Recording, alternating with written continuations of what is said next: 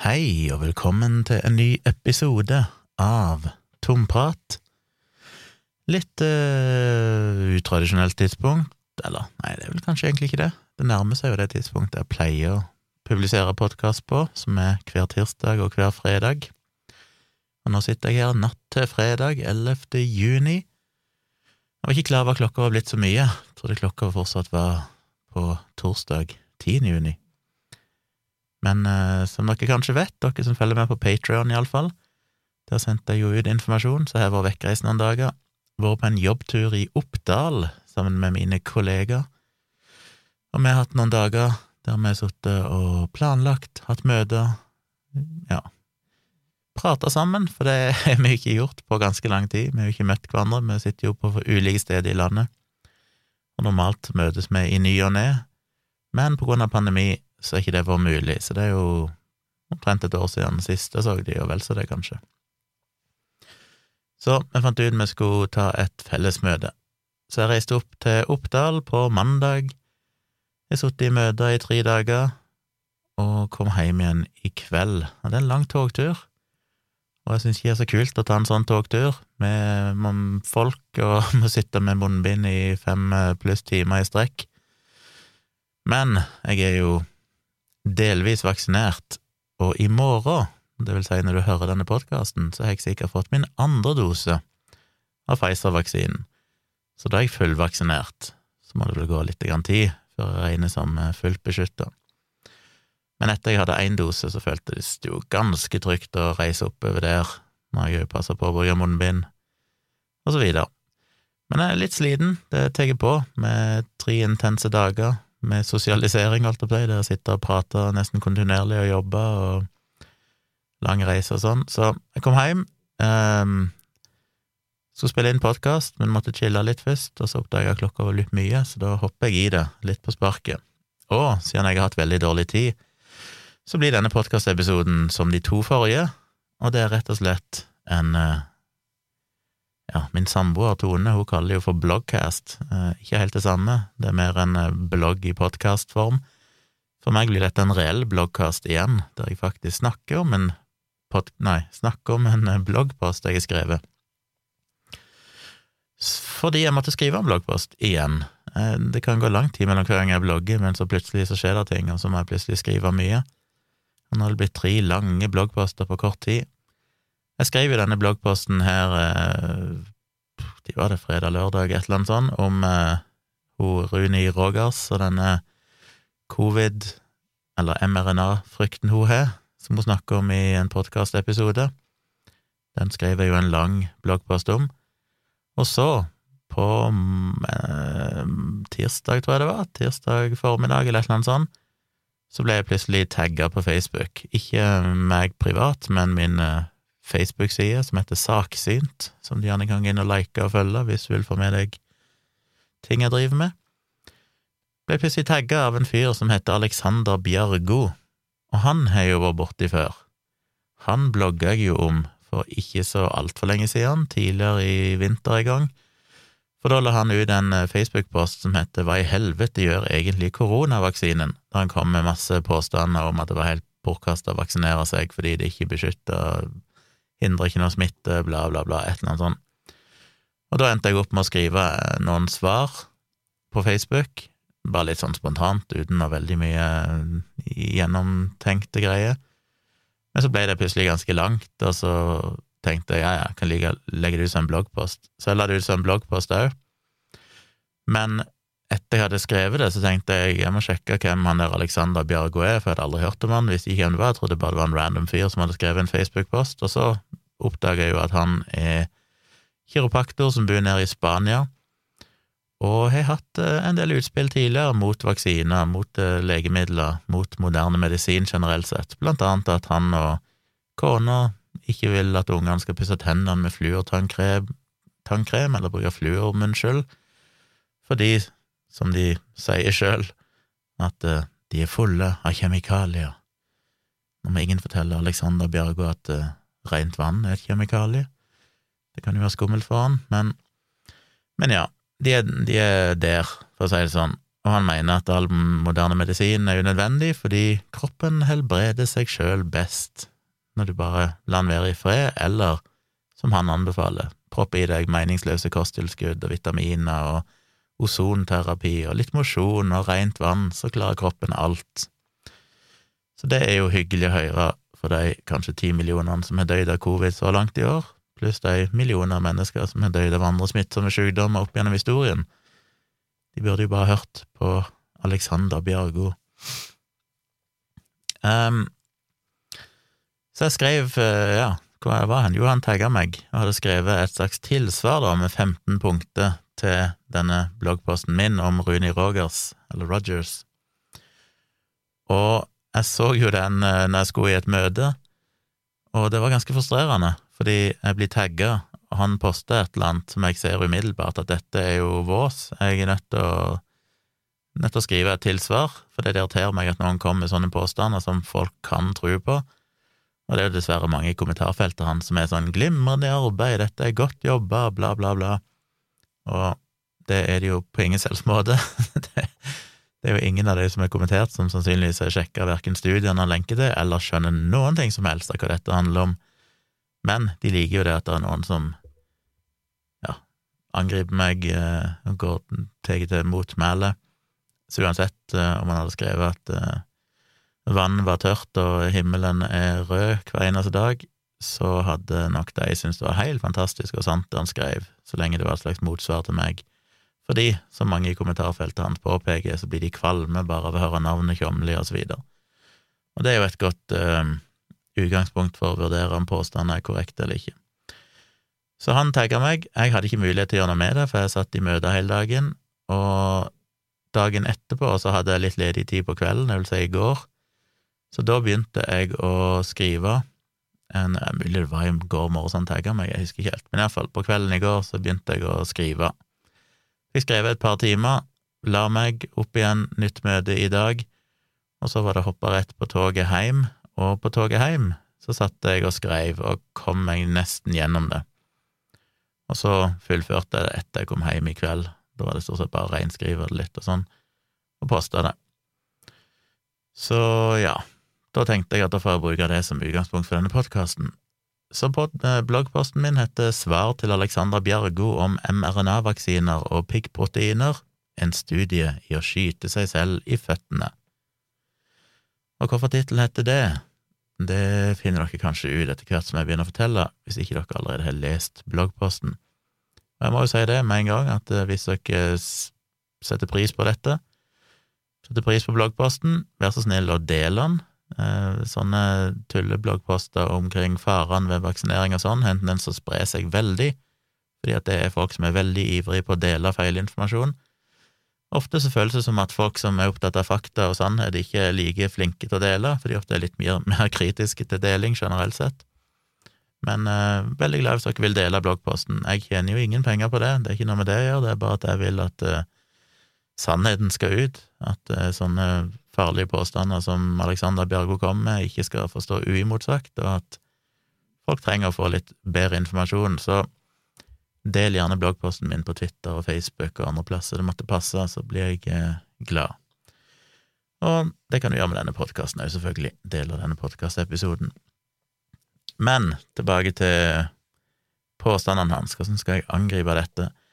Ja, som jeg påpekte i den forrige bloggposten om Alexander Bjørgo, så har jo han en Facebook-profil der han sprer masse konspirasjonsteorier rundt at covid-19 er en falsk pandemi, og disse her eh, Agenda 2030, og Erna Solberg sitter helt på topp i dette her covid-komplottet mot menneskeheten, og der er norske myndigheter kan bli dømt for forbrytelser på menneskeheten.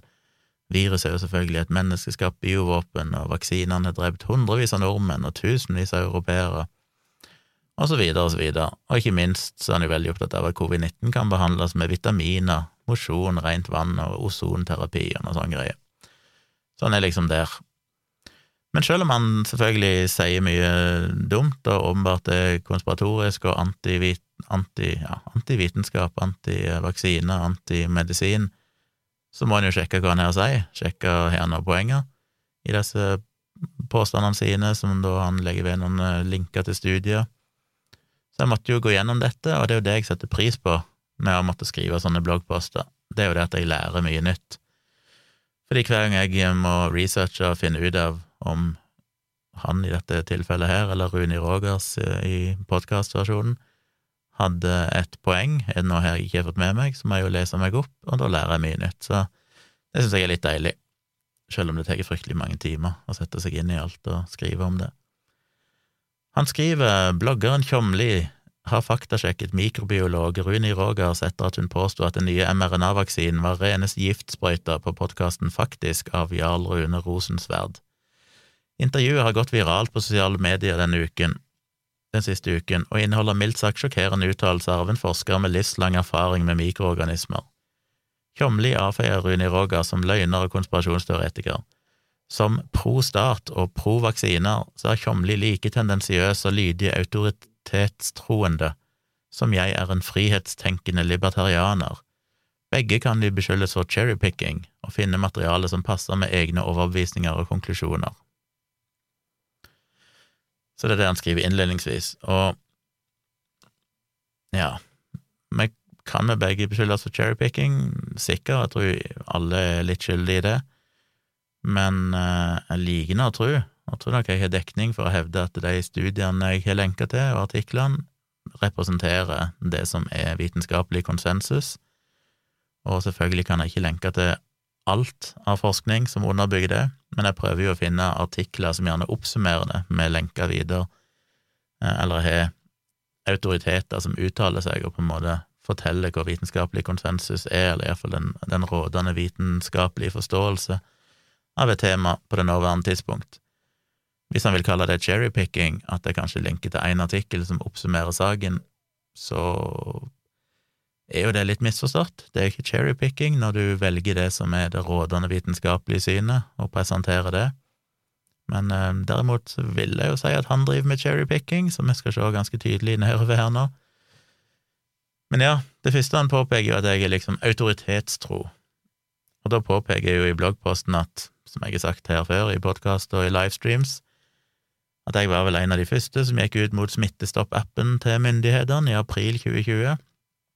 Jeg laga en serie på seks videoer der jeg kritiserte Smittestopp-appen, eh, installerte den ikke sjøl, kritiserte den for personvernproblematikk videre, som det jo viser seg at jeg fikk rett i, fordi Datatilsynet satte jo ned foten til slutt og forbøy appen, og de måtte lage en ny versjon, og den anbefaler jeg, og den har jeg installert, fordi den var jo en helt annen app som har ivaretatt personvern og fjerna de mest problematiske tinga i den opprinnelige appen. Jeg ble jo òg bedt om å signere dette oppropet som IT-eksperter i Norge eh, kom med, der de anbefalte folk å ikke bruke appen, eller primært anbefalte myndighetene å lage en ny app som var bedre, eller endre den appen som var i fjor, da, men det gjorde de vel for så vidt ikke.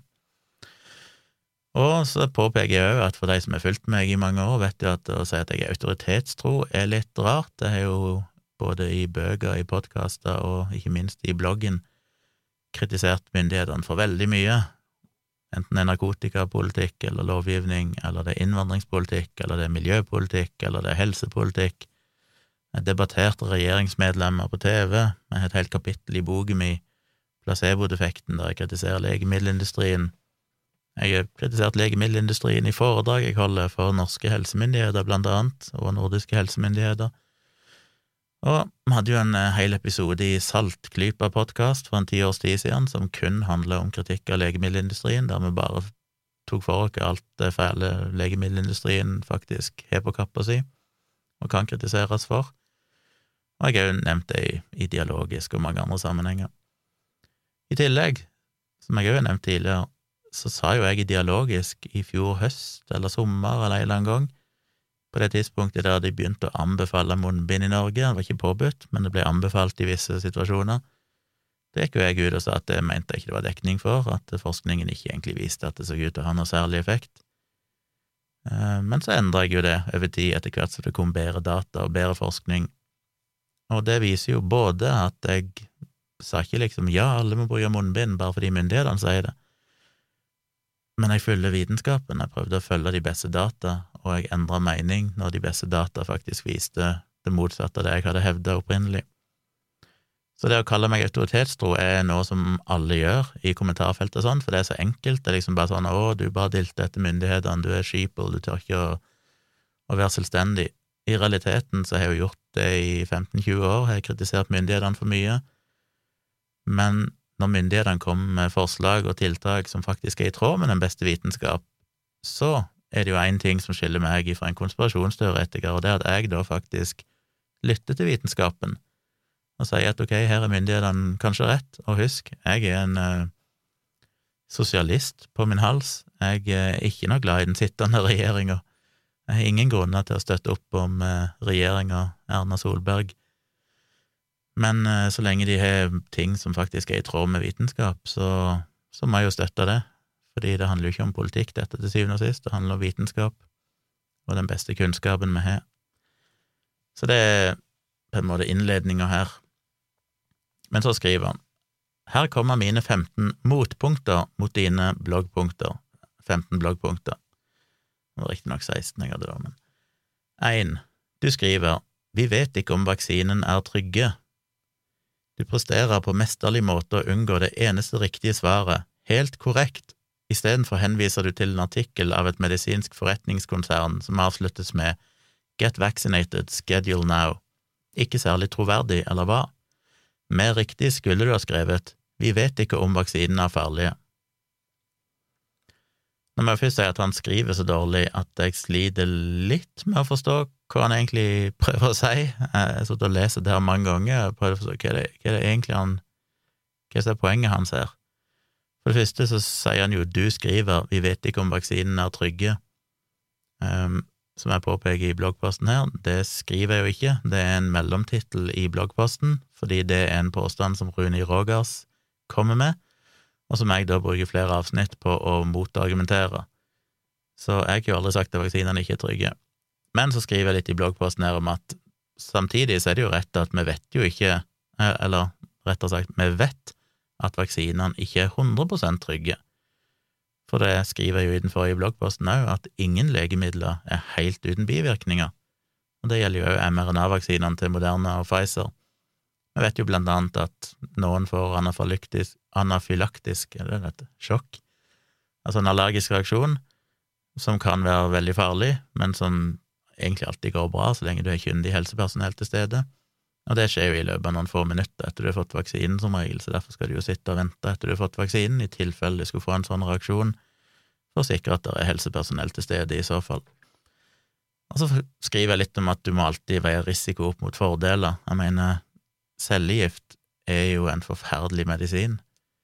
Den gjør jo som navnet tilsier, dreper celler, ikke bare kreftceller, men tar òg knekken på mange andre celler i kroppen, som du helst ønsker å ha friske og raske. Men hvis du er der med en alvorlig kreftsykdom, så kan du argumentere for at cellegift faktisk er et bedre alternativ enn å ikke behandle med cellegift, fordi alternativet er så mye verre, det er å dø av kreften. Men du ville ikke gitt cellegift til en eh, frisk person, sånn som du ville gjort med vaksiner, fordi der er jo bivirkningene altfor store til at du kan forsvare dem mot den gevinsten du får av vaksinen eller cellegiften. Så dette handler jo alltid om en risikovurdering, altså du veier ulempe opp mot fordeler. Sånn er det med all medisin. Vi kan tillede mer bivirkninger og større risiko når fordelene òg er større. Men vaksiner er jo i en særstilling, fordi at det gir du primært til friske mennesker. Og da er det ikke mye bivirkninger du kan tillate før du sier at dette faktisk er for mye. Kommer selvfølgelig an på smittetrykk og alvorligheten av en sykdom. Kommer det en pandemi som er veldig smittsom og veldig dødelig, så kan du selvfølgelig tåle større risiko fra vaksinene. Og det er jo det de hele tida avveier. De la jo da grenser på disse vaksinene her mot denne covid-pandemien på at de måtte ha to måneder med sikkerhetsdata. Dette skriver jeg litt om i forrige bloggpost òg. Eh, og det er blant annet fordi at de aller fleste bivirkninger dukker opp innen det har gått to måneder. Så hvis det er to måneder med sikkerhetsdata på flere titusener av personer i disse studiene, så kan du være ganske sikker på at ikke at det ikke finnes noen uheldige bivirkninger som kan dukke opp i framtida, men at de vil i så fall være så sjeldne at det er verdt å gi vaksinen allikevel, fordi trusselen ifra covid er større. Det er jo en potensielt dødelig sykdom som har drept mange millioner mennesker allerede. Men allikevel, Spesielt for unge folk så er jo risikoen for covid mindre, og da er det òg mindre aksept for bivirkninger fra vaksinen. Så dette er sånn en alltid må vurdere opp mot hverandre. Og så ser en jo at myndighetene følger det, fordi i det øyeblikket det var en mistanke om at AstraZeneca kunne ha ført til de her spesielle tilfellene av blodpropp, så ble jo den stoppa før en visste om det var en sammenheng, med en sånn just in case. Så har han jo for så vidt rett, eh, Bjargo, som jeg påpeker, at det var kanskje dumt å bruke den kilden jeg brukte, som var en artikkel om vaksiner på et nettsted for et jeg tror et amerikansk sykehus, eller muligens en sånn privat sykehus, som blant annet tilbyr vaksiner. Det er klart, vi skal nok legge litt vrangvilje til for å hevde at de eh, at det nødvendigvis er feil informasjon, bare fordi at de òg da gir vaksiner, men jeg ser poenget. Burde nok valgt en annen kilde. Men så er det jo litt rart at Bjargo stopper der. Han tar ikke den debatten om poenget, han bare sier 'oi, den kilden er jo fra et amerikansk helseforetak, ergo så er påstanden din ugyldig'. Det hadde jo ikke tatt han veldig lang tid å sjekke likevel om er det fortsatt riktig, det som står der, og det er det jo, så jeg gir han jo et par andre kilder her nå, blant annet ifra amerikanske helsemyndigheter, CDC, som skriver Vaccine monitoring has historically shown that side effects generally happen within six weeks of receiving a vaccine dose. For this reason, the FDA required each of the authorized COVID 19 vaccines to be studied for at least two months, eight weeks, after the final dose. Så de bekrefter jo det jeg skriver, så ja, det var kanskje en dum artikkel jeg brukte, bare fordi den ikke Du kan kanskje argumentere med at den ikke er 100 objektiv, men Poenget mitt står jo fortsatt, og det kunne han jo veldig fort ha sjekka sjøl, men det er jo selvfølgelig mye lettere å bare avvise det på grunn av at han er uenig i kildebruken. Og så påpeker jeg jo at husk at nå er det jo snart et år siden de første fikk covid-vaksine, de som var med i fase tre-studien som ble starta i slutten av juli i fjor, og vi har ikke sett noen alvorlige, uventa bivirkninger, så vi har jo nå bortimot et år med sikkerhetsdata som eh, Og tar de fra ja, iallfall åtte-ni måneder, hvis du tar med ifra, eller nesten ti, eh, ifra når de fikk andre dosen. Så ja, han skriver videre, punkt to, du skriver at påstanden om dyrestudiene er feil. Leste du artikkelen du la ut som henvisning? Der står det nemlig alle vaksinene som ble brukt i dette forskningseksperimentet i 2012, utløste overfølsomhet for TH2-immunitet, Resultatene fra denne studien viser da TH2-immuniteten utløst av vaksinene økte, og kroppens forsvarssystem ble presset ut av balanse, og denne reaksjonen begynte å forårsake vevsnedbygning i lungene, nedbrytning i lungene. Dette er selvfølgelig bekymringsfullt. Så skriver han videre, forskerne med høy kompetanse synes det er bekymringsfullt, men det gjør tydeligvis ikke du, hvem skal vi stole på? Og det er da jeg kommer til mitt første sånn panneklask, fordi jeg brukte en del tekst i forrige bloggpost på å påpeke at ingen er uenig i at de studiene viste at de vaksinene hadde alvorlige bivirkninger hos disse musene og rottene. Problemet er jo bare det at det har jo ingenting med dagens vaksiner å gjøre. Dette var vaksiner basert på viruslignende partikler. Det var ikke mRNA-vaksiner. Og de stoppa de eksperimentene nettopp fordi de viser seg å ikke virke spesielt godt. Det har null med dagens vaksiner å gjøre. Og det er helt ufattelig at når jeg først har skrevet det med kilder og sitater fra forskeren som var involvert i dette sjøl, som sier at dette er ingenting med dagens mRNA-vaksine å gjøre, så klarer han å bruke det som et motargument. Har du lest artikkelen, sier han, og så viser han at jo, se her, det var jo skadelig for dyrene. Ja, det er vi ikke uenige om, poenget bare at det er jo ingenting, det var ikke mRNA-vaksiner som ble testa. Så det er litt sånn ja, det er sånn jeg ikke helt vet eh, Trollene. Har han ikke lest det sjøl? Har han bare ikke forstått noen ting? Eller bare prøve han å håpe at de som leser dette, ikke egentlig sjekka det sjøl? Så, ja, det er vanskelig å forstå. Punkt tre, skriver han, et, et dyrestudie som du velger å ikke gi noen oppmerksomhet, er for renommerte Salk Institute og viser hvordan piggeproteinet skader cellen på innsiden av åreveggene, epitelia, og kan forårsake vaskulær sykdom. Og her kommer han da med sin første kildehenvisning til en forskningsstudie. Problemet er jo at denne, som de fleste studiene han lenker til, ikke handler om vaksiner i det hele tatt. den er sett på effekten av å bli smitta av SARS-CoV-2, altså det å faktisk få en virusinfeksjon og dermed òg få covid-19, og det viser at hvis du får det, så kan viruset skade celler på innsida av åreveggene og forårsake vaskulær sykdom. Og det er jo ingen uenig i, det er jo det, er jo det som er covid-19. Det er jo derfor folk blir så alvorlig syke og dør av covid-19. Men det er jo ingenting med det piggproteinet som mRNA-et i vaksinene får cellene våre til å produsere, av to grunner. Dette kommer jeg tilbake til flere ganger. Men først og fremst fordi at det er lettere modifisert, det piggproteinet, sånn at det fester seg på celleoverflata. Det forsvinner ikke ut i kroppen og sirkulerer rundt. Og fordi det er så ekstremt små mengder av det. Men det skal jeg komme tilbake til seinere. Men det morsomme er jo at han da sier at, uh, at han viser til en studie fra det renommerte Salk Institute, men hvis han faktisk hadde lest studien sjøl, eller i det minste pressemeldingen som kom med den studien, så skriver de jo sjøl, altså Salk Institute, at piggproteinene fra koronaviruset, sitat, behave very differently than those safely encoded by vaccines. Så han viser altså til en kilde som basically sier akkurat det motsatte av det han sjøl påstår, og det går jo igjen nedover her i teksten, skal vi se. Han skriver videre et annet dyrestudie viser hvordan piggproteinet krysser blod-hjernebarrieren på mus. Og så viser han til en link. Så skriver han teller ikke disse dyreforsøkene i din verden. Og da påpeker jeg jo at uh, ja uh, uh, Måtte bare se om jeg hadde skrevet noe feil her, men det hadde jeg ikke, nei.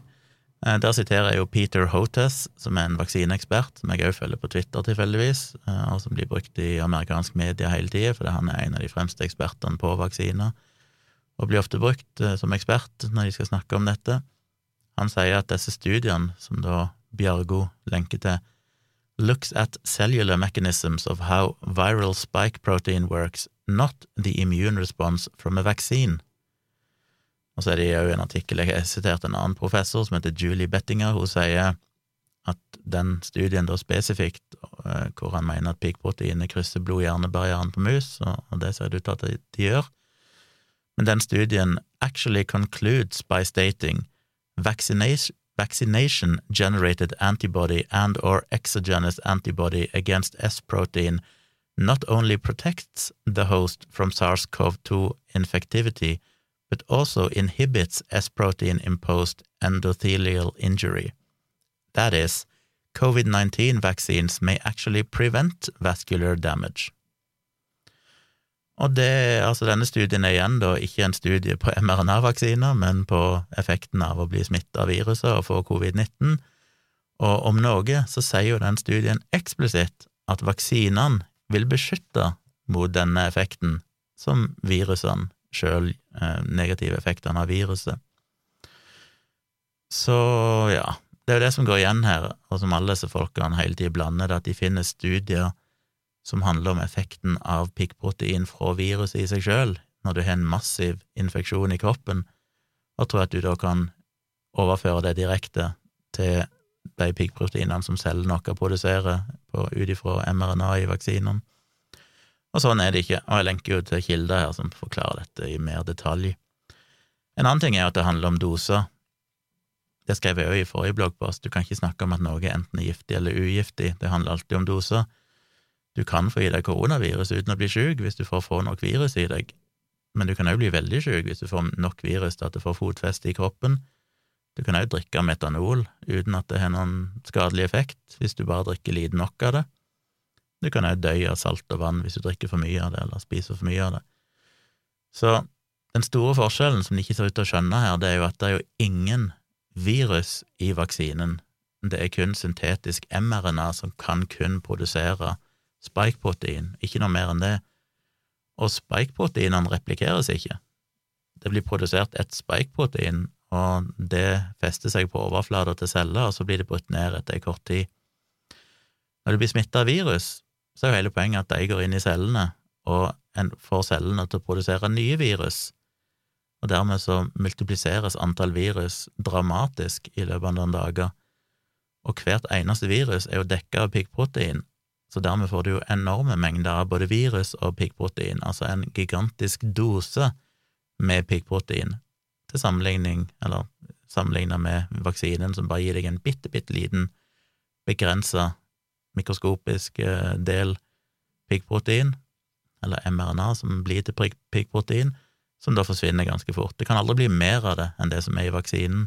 Det replikeres ikke, det er en mikroskopisk dose. Og husk igjen, som jeg skrev i forrige bloggpost, at 99% av det blir bare i den muskelen der du setter det inn.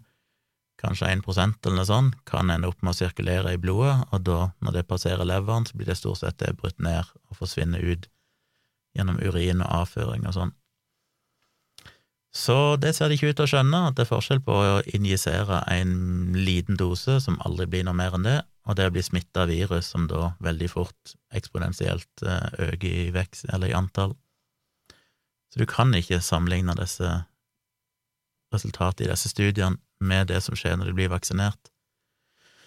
Og så har jeg en liten screenshot av en Facebook-post han la ut, der han skrev 10 000 kroner til den som kan motbevise følgende påstander, jeg vipser. Og påstand nummer én er at eh, det han kaller for C19-viruset, har aldri blitt isolert fra en infisert person. Det betyr at ingen kan si med sikkerhet at det er C19-viruset som er dødsårsaken. Og Da skriver jeg at det leder meg jo til et stort mysterium, fordi, og dette går igjen hele tida òg, ikke bare hos Alexander Bjørgo, men hos alle sånne her covid-fornekterne, at hvis du diskuterer vaksiner, så legger de fram studie etter studie etter studie på nettopp piggprotein og SARS-CoV-2 og viser hvor forferdelig farlig dette er, ødelegger organer og lunger og ikke måte på hvor skummelt dette her er, og så glemmer de at dette handler ikke om vaksinene, det handler om å bli smitta. Men det ironiske eller paradoksale er jo at de da sier eksplisitt at SARS-CoV-2 åpenbart er fryktelig farlig. Det ødelegger lungene, det ødelegger blodåret, alt mulig rart kan skje. Og i neste åndedrag så nekter de for at SARS-CoV-2 i det hele tatt fins, og at covid-19 er en farlig sykdom, det er jo ikke farligere enn en liten influensa. Så hvordan kan de både Nei, det får bli panneklask nummer to. Og det går igjen hele tida. Hver eneste studie han lenker til her som skal vise at vaksiner er farlige, handler jo for det første ikke om vaksiner, og for det andre bekrefter jo at SARS-CoV-2 er fryktelig farlig for enkelte personer, samtidig som de da påstår at dette er en helt ufarlig sykdom, at viruset ikke egentlig finnes i det hele tatt. Så forstå det, den som kan. Punkt nummer fire, så skriver han du skriver at det ikke kan dokumenteres noen dødsfall fra mRNA-vaksinen, verken i Norge eller andre land og henviser helt skamløst til Reuters faktasjekkere og dine egne bloggposter for å underbygge den påstanden. Ja, jeg synes Reuters faktasjekkere er flinke, de bruker eksperter, de siterer kilder, de viser hvem de har snakka med om dette for å faktasjekke de her tingene, og det er ikke noen grunn til å tro at ikke de er nøytrale, eh, det er god journalistikk. Men som jeg svarer han, så er det sånn at dette her orker jeg virkelig ikke forklare flere ganger hvis ikke du klarer å ta inn over deg at de dødsfallene som kommer etter vaksinering, ikke automatisk kan sies å skyldes vaksinen. Altså, jeg skjønner ikke hvorfor Bjørgo tror at folk skal slutte å dø etter de har fått en vaksine. De slutter i veldig stor grad å dø, nesten 100% av covid-19, men vaksinen har i prinsippet ingen annen effekt på andre dødsårsaker. Kommer ikke til å slutte å dø av kreft, selvmord, bilulykke, diabetes, astmaanfall Alt dette her kommer folk fortsatt til å dø av, akkurat som før. Og når du sammenligner dødstallene før og etter vaksinen, av andre ting enn covid-19, da, så ser en jo at det er ikke dødd noen flere etter vaksinering enn før vaksinering. Men av en eller annen merkelig grunn så har disse folkene en idé om at når du setter vaksinen, så forsvinner alle andre dødsårsaker. Så hvis noen dør i løpet av neste måned, så må det skyldes vaksinen. Altså, det er så ufattelig korttenkt at igjen så sliter jeg med å forstå troller de bare, eller skjønner de virkelig ikke dette? Det ja, nei, jeg vet ikke, jeg, bare for meg er det bare så helt åpenbart logisk og enkelt å forstå at det er så rart at jeg må forklare det i bloggpost etter bloggpost. Og jeg lurer litt på om de da ikke forstår det, eller om de bare nekter å forstå det, fordi at det vil jo ødelegge hele argumentet deres, om de har en så enorm mental sperre der at de rett og slett må fordumme seg sjøl for ikke å gi slipp på det de tror på. Og igjen, disse dødsfallene som skjer uten noen annen åpenbar årsak kort tid etter vaksinering, blir jo i all hovedsak granska veldig nøye. De ser på sykdomshistorikk, og de ser på hvilke symptomer det var, forløpet, tidsmessig sammenheng, og de finner ikke at disse er knytta til vaksinen. Men det har jeg jo skrevet og snakka om mye før. Så skriver han videre. Arrogant bruker du samme argumentasjon for vaksinedødsfall som med covid-dødsfall, bare med motsatt fortegn. Nå er det plutselig de underliggende sykdommene som er dødsårsaken, ikke vaksinen. Dette kan jeg personlig bekrefte ikke stemmer. Så han sier altså at jeg bruker samme argumentasjon for vaksinedødsfall som med covid-dødsfall, bare med motsatt fortegn. Og dette er jo en vanlig argument, det er det der med at når vi sier at folk som døde på sykehjem, var veldig skrøpelige og gamle, eh, så hvis de døde av vaksinen, så, så var de en veldig utsatt gruppe, så mener jo de at ja, men det samme kan du si med covid-dødsfall. Hvorfor er det plutselig ikke så viktig når det er vaksiner, men det er viktig når det er covid-dødsfall? Vel, det er jo flere grunner til det. Det ene er jo at med vaksiner så finner en jo faktisk ingen overdødelighet, og sannsynligvis så, om noen, så er det ekstremt få dødsfall som faktisk er knytta til vaksinen, men det er jo en enorm overdødelighet i mange land ifra covid-19, og det er ikke bare gamle og skrøpelige folk, det er alt ifra friske barn uten underliggende sykdommer, riktignok ikke mange, sjelden da små barn dør, eh, men òg flere oppe i 30-, 40-, 50-, 60-årsalderen. Dette er jo ikke folk som er over åtte på skrøpelighetsskalaen, som de som døde av covid-vaksinering. Det er altså folk som blir regna med å kanskje ha mindre enn seks måneder igjen å leve. Folk som dør av covid, selv om de har en underliggende sykdom, lider av sterk fedme, har diabetes, et eller annet sånt, så er de sannsynligvis 20-30-40 år igjen å leve, men de kan da dø av covid-19.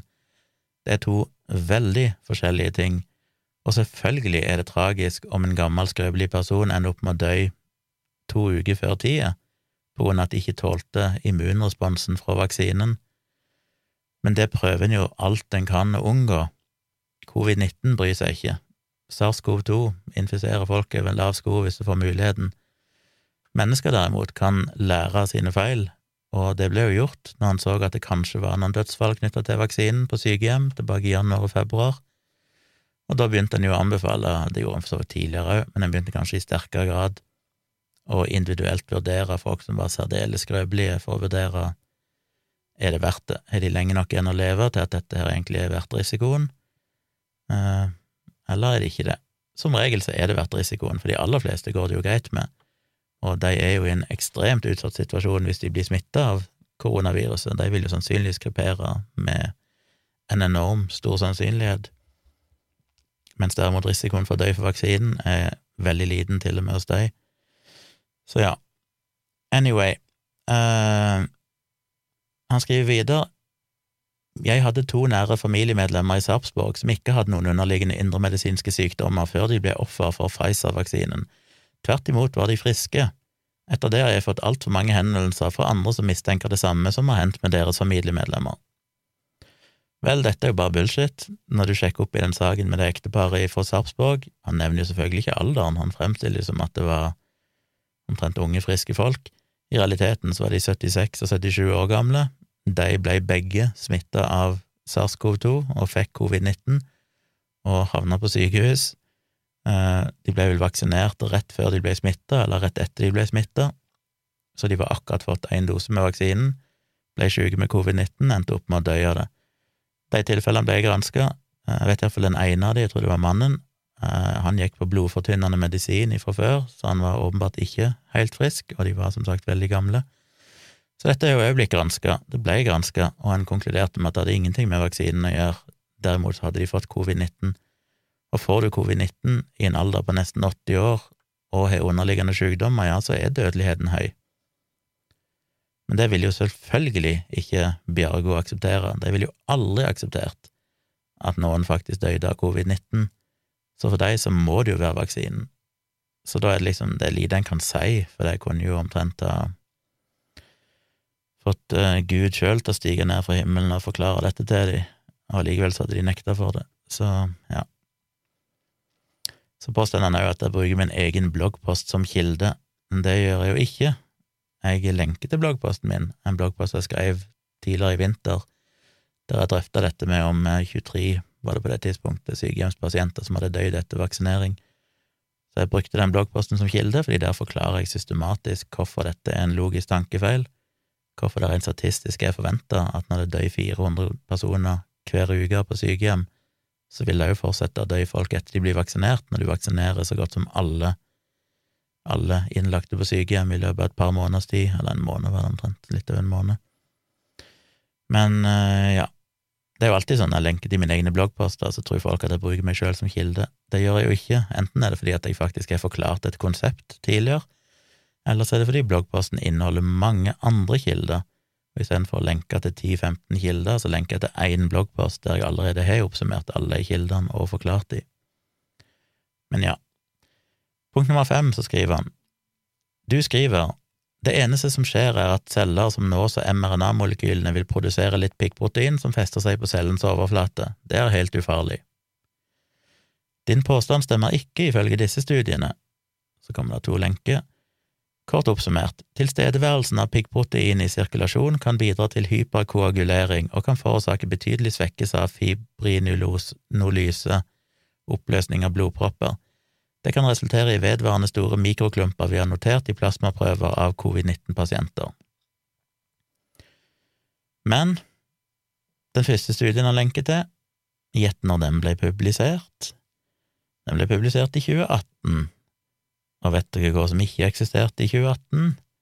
Verken SARS-CoV-2 eller mRNA-vaksinene, så det er litt vanskelig å forstå hvorfor han mener den studien, som egentlig handler om SARS og MERS, og har ingenting med mRNA-vaksiner å gjøre, siden de ikke eksisterte på det tidspunktet. Har ingenting med det aktuelle viruset å gjøre, siden det heller ikke eksisterte på det tidspunktet.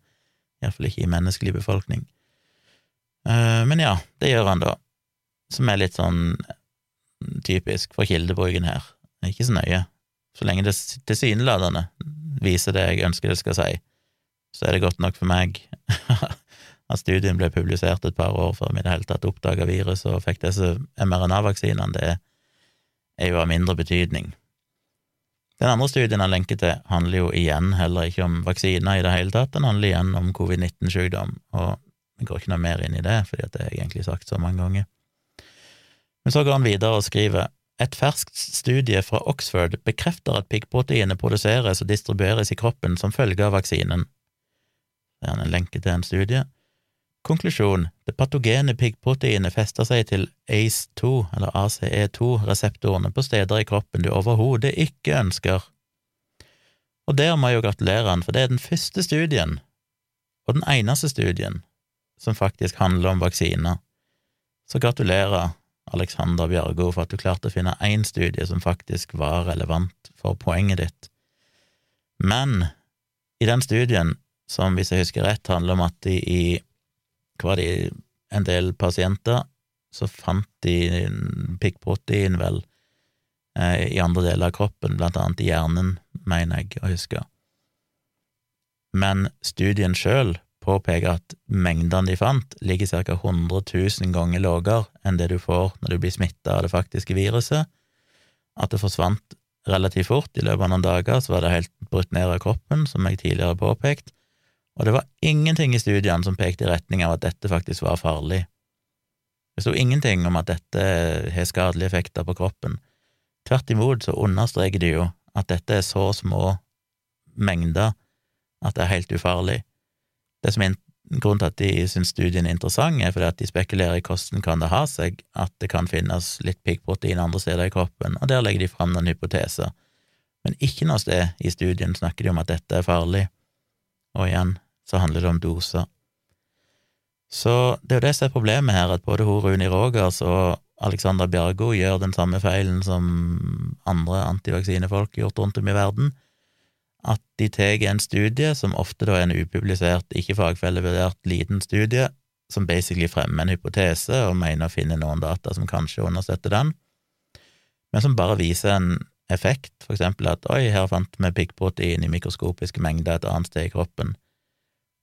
Og der stopper det, men eh, Bjørgo og Rogers og andre de går jo da videre til å si ergo så er dette livsfarlig, fordi når du blir smitta av covid-19, så ser vi at piggproteinet kan ødelegge lunger og alt mulig sånn, uten å nevne at det da er i 100 000 ganger større doser, og uten å nevne at de har jo nettopp prøvd å fortelle dere at covid-19 ikke er farlig, at viruset ikke eksisterer, men allikevel så bruker de da studier som viser at det akkurat er det.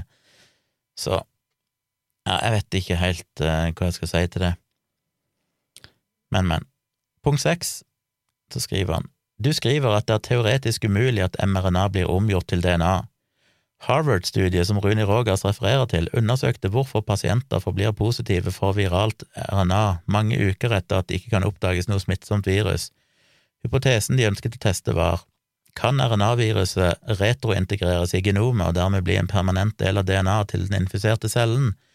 Hvis ja, og integrerte virussekvenser uttrykkes, kan dette gi en positiv PCR-test uten å være en indikasjon på virusreplikasjon. Det er en hypotese som er viktig å ta på alvor, da konsekvensene, hvis den er korrekt, kan være fatale. Så kommer det en link til denne studien igjen. Igjen så er dette da en studie som Det er den samme studien som jeg drøfta i forrige bloggpost. Eh, det er en preprint av en studie, det vil si han er publisert, han er ikke fagfellevurdert, og som jeg nevnte i forrige bloggpost om akkurat denne studien, så sier jo hovedforfatteren bak studien sjøl, altså hovedforskeren, om du vil, at de fant ikke noe dokumentasjon på dette.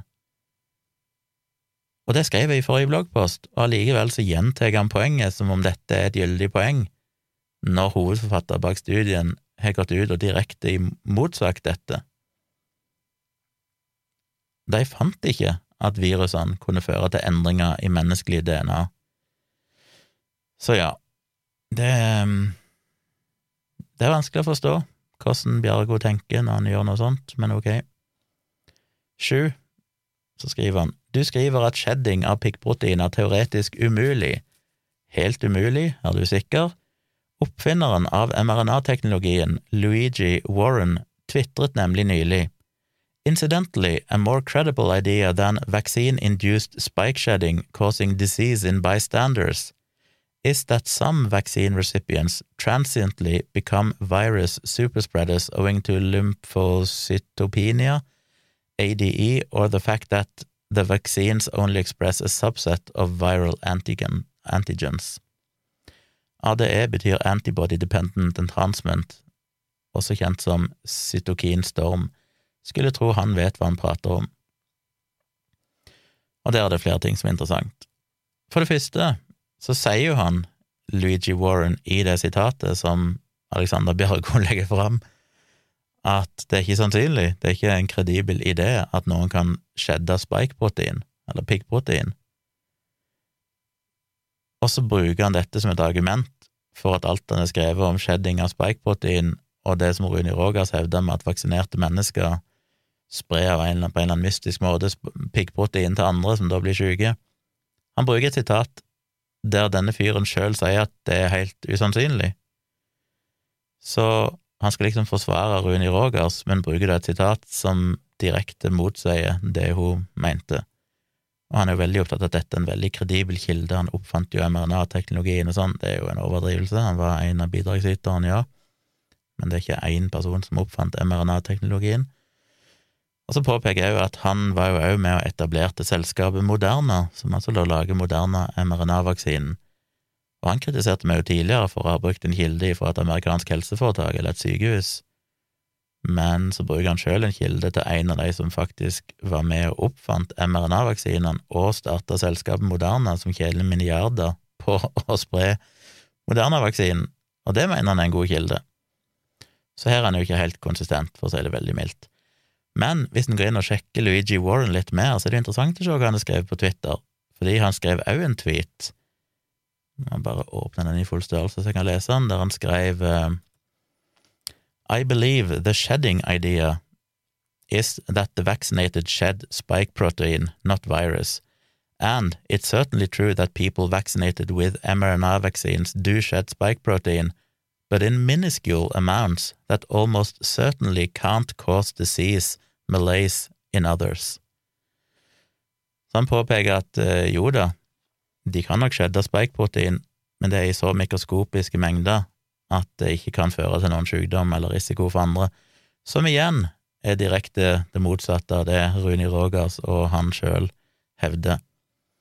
Men vi kan gå tilbake til andre ting han har skrevet på Twitter, for han har òg sagt at viral shedding, han skriver shedding i hermetegn, i a plain old viral transmission during nascent, nascent, jeg vet ikke hvordan du uttaler det, vaccine-induced immune response, I can buy.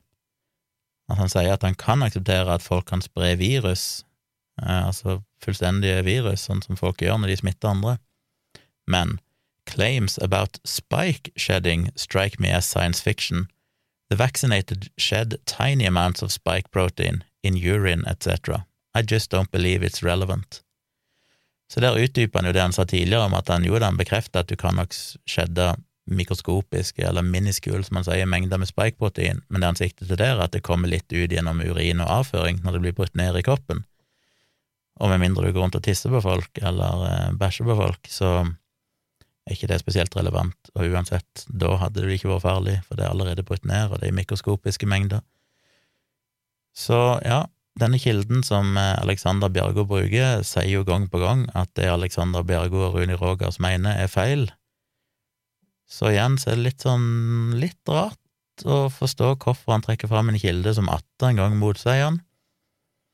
Men ok, som jeg skriver, så er jo dette helt åpenbart, fordi at Alexander Bjergo er jo ikke opptatt av sannhet. Han er ikke opptatt av hvordan kan jeg finne ut hva som egentlig er korrekt. Han er opptatt av å finne noen løsrevne tweets og studier og sitater her og der som tilsynelatende underbygger poenget hans, i håp om at ingen faktisk sjekker opp om det egentlig gjør det.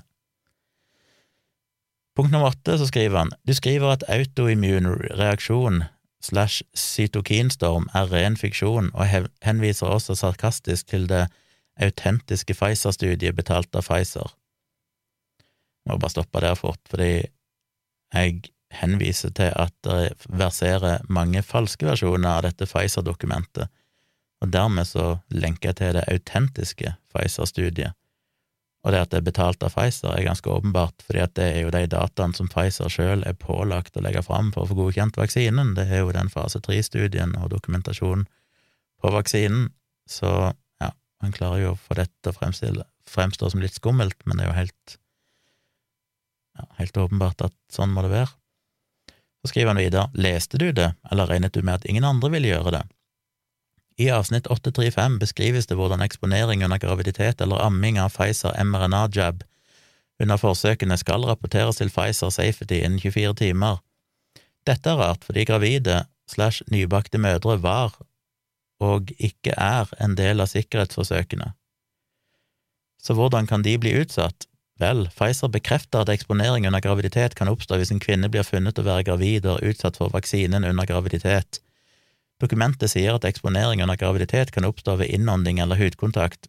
Hvis et mannlig familiemedlem som har blitt utsatt for vaksinerte ved innånding eller hudkontakt, avslører sin kvinnelige partner før, eller rundt Å, oh, dette er jo sånn Google uh, Translate uh, norsk han har brukt. Han uh, Det er et ord, jeg husker hva det er på engelsk, som basically betyr at en mann har samleie med kona si eller dama si, har han klart å oversette til avslører. Hvis et mannlig familiemedlem som har blitt utsatt for vaksinerte ved innånding eller hudkontakt, avslører sin kvinnelige partner før eller rundt tidspunktet for unnfangelsen, i lekmannsspråk innrømmer Pfizer i dette dokumentet at det er teoretisk mulig å utsette et annet menneske for mRNA-piggprotein bare ved å puste i samme luft eller berøre huden til personen som har blitt vaksinert. Og la meg igjen minne på at han nettopp i forrige punkt lenka til den såkalte oppfinneren av mRNA-teknologien, som nettopp sa at det ikke var reelt. Så her hopper han jo fra det ene til det andre, alt etter hva som passer han. Men som jeg påpeker, så er det jo ikke det Pfizer-dokumentet sier, og det forklarte jeg jo i forrige bloggpost, jeg skjønner ikke helt hvorfor han dreier det fram på nytt. Men jeg fant en annen kilde som kan forklare det enda litt bedre, og jeg siterer fra min egen kilde. The document says any exposures during pregnancy should be reported and defines such cases broadly to include instances where a pregnant woman is exposed to the vaccine, vaccine by inhalation or skin contact, or if a man who receives the vaccine or was exposed to it then exposes his female partner prior to or around the time of conception. Det var det, ja.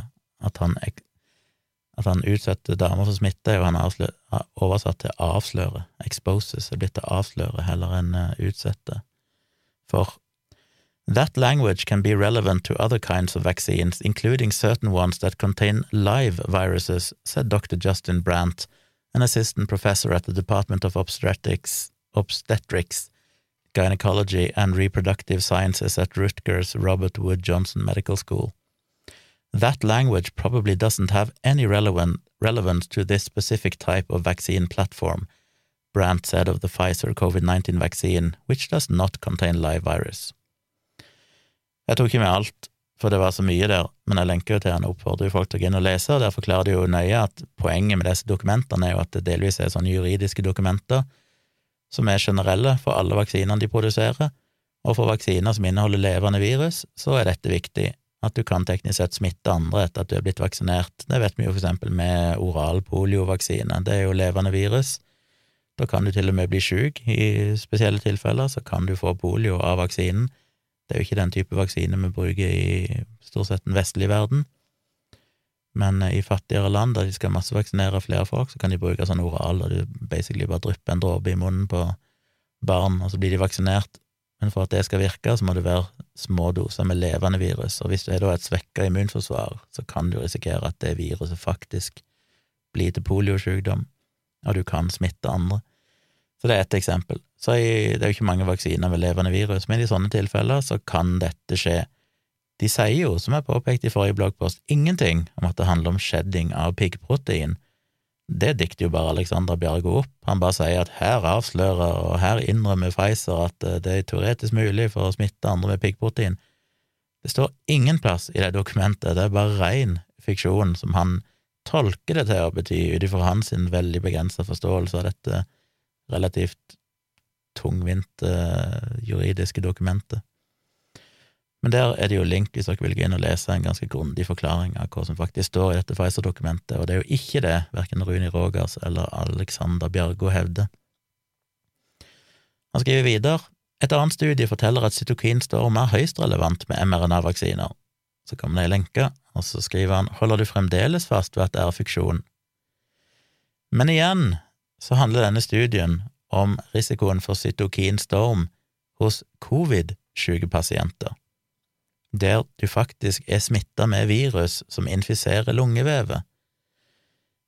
Det er ikke noe virus i vaksinen, det finnes ikke et eneste virus i mRNA-vaksinene, og jeg skrev i forrige bloggpost at ja, cytokinstorm kan skje. De er ikke helt sikre på det ennå, men de mener at eh, det muligens kan skje med folk som får covid-19. Ingen som har benekta det, men det er noe helt annet å få covid-19 enn å bli vaksinert med en vaksine som ikke inneholder noe virus i det hele tatt. Det finnes ikke noe virus ifra vaksinen som kan infisere lungevev og dermed utløse en cytokinstorm, som beskrevet i denne artikkelen. Tvert imot så er det jo gjennom vaksinering at du reduserer eller eliminerer risikoen for en sånn cytokinstorm, fordi du faktisk ikke da kan bli smitta av virus med nesten 100% garanti. Og igjen, som jeg påpeker, så viser han til da, nå viser han nettopp igjen til en studie som viste hvor farlig covid-19 var, samtidig som han da argumenterer med at det er en helt ufarlig sykdom, og det er en fake pandemi og alt dette her. Så det er vanskelig å forstå. Punkt ni. Du skriver at ingen av de innrapporterte 4863 dødsfallene så langt kan knyttes til mRNA-vaksinene. Faller ikke det på sin egen urimelighet? Like urimelig som at influensa har forsvunnet som dugg for solen, både i fjor og i år? Jeg må innrømme, jeg kommenterte ikke det med influensa i bloggposten, det glemte jeg vekk, men igjen, det er en veldig naturlig forklaring. Vi har nettopp praktisert smittevern eh, og lockdowns og så videre, som Alexander Bjargo er veldig motstander av, og mener det er et overgrep og en forbrytelse mot norsk befolkning, og han nekter, han skrev jo blant annet på Facebook-sida si, siden han bor i Spania, at han vurderer å komme hjem en tur i sommer, og han kommer til å nekte å sitte i karantene, selvfølgelig. De taler om at han skal sitte i noe karantene, så han skal ut og potensielt smitte andre. Det har han jo rett til, den liberalisten som han er. Så det er ikke så veldig mystisk for alle tenkende mennesker hvorfor det er mindre influensa i år.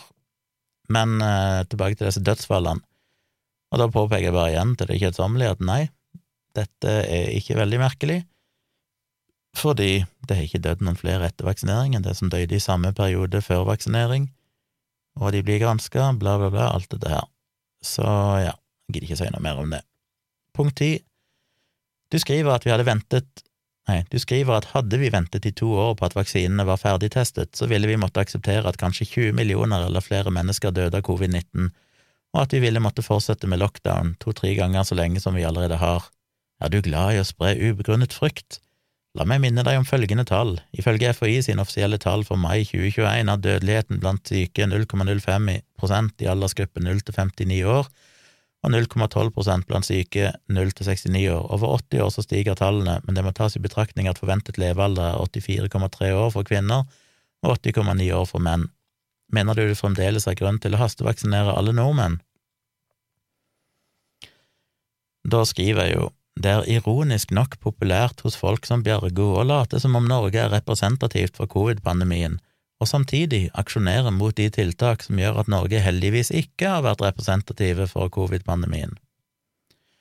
Så ja, vi har hatt få dødsfall, men det er jo nettopp fordi vi har praktisert smittevern og lockdown ved behov.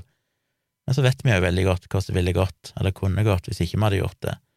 Og da lenker jeg jo til Our World in Data, bare for å ta én av mange kilder som har grafer og statistikker på overdødelighet i forskjellige land.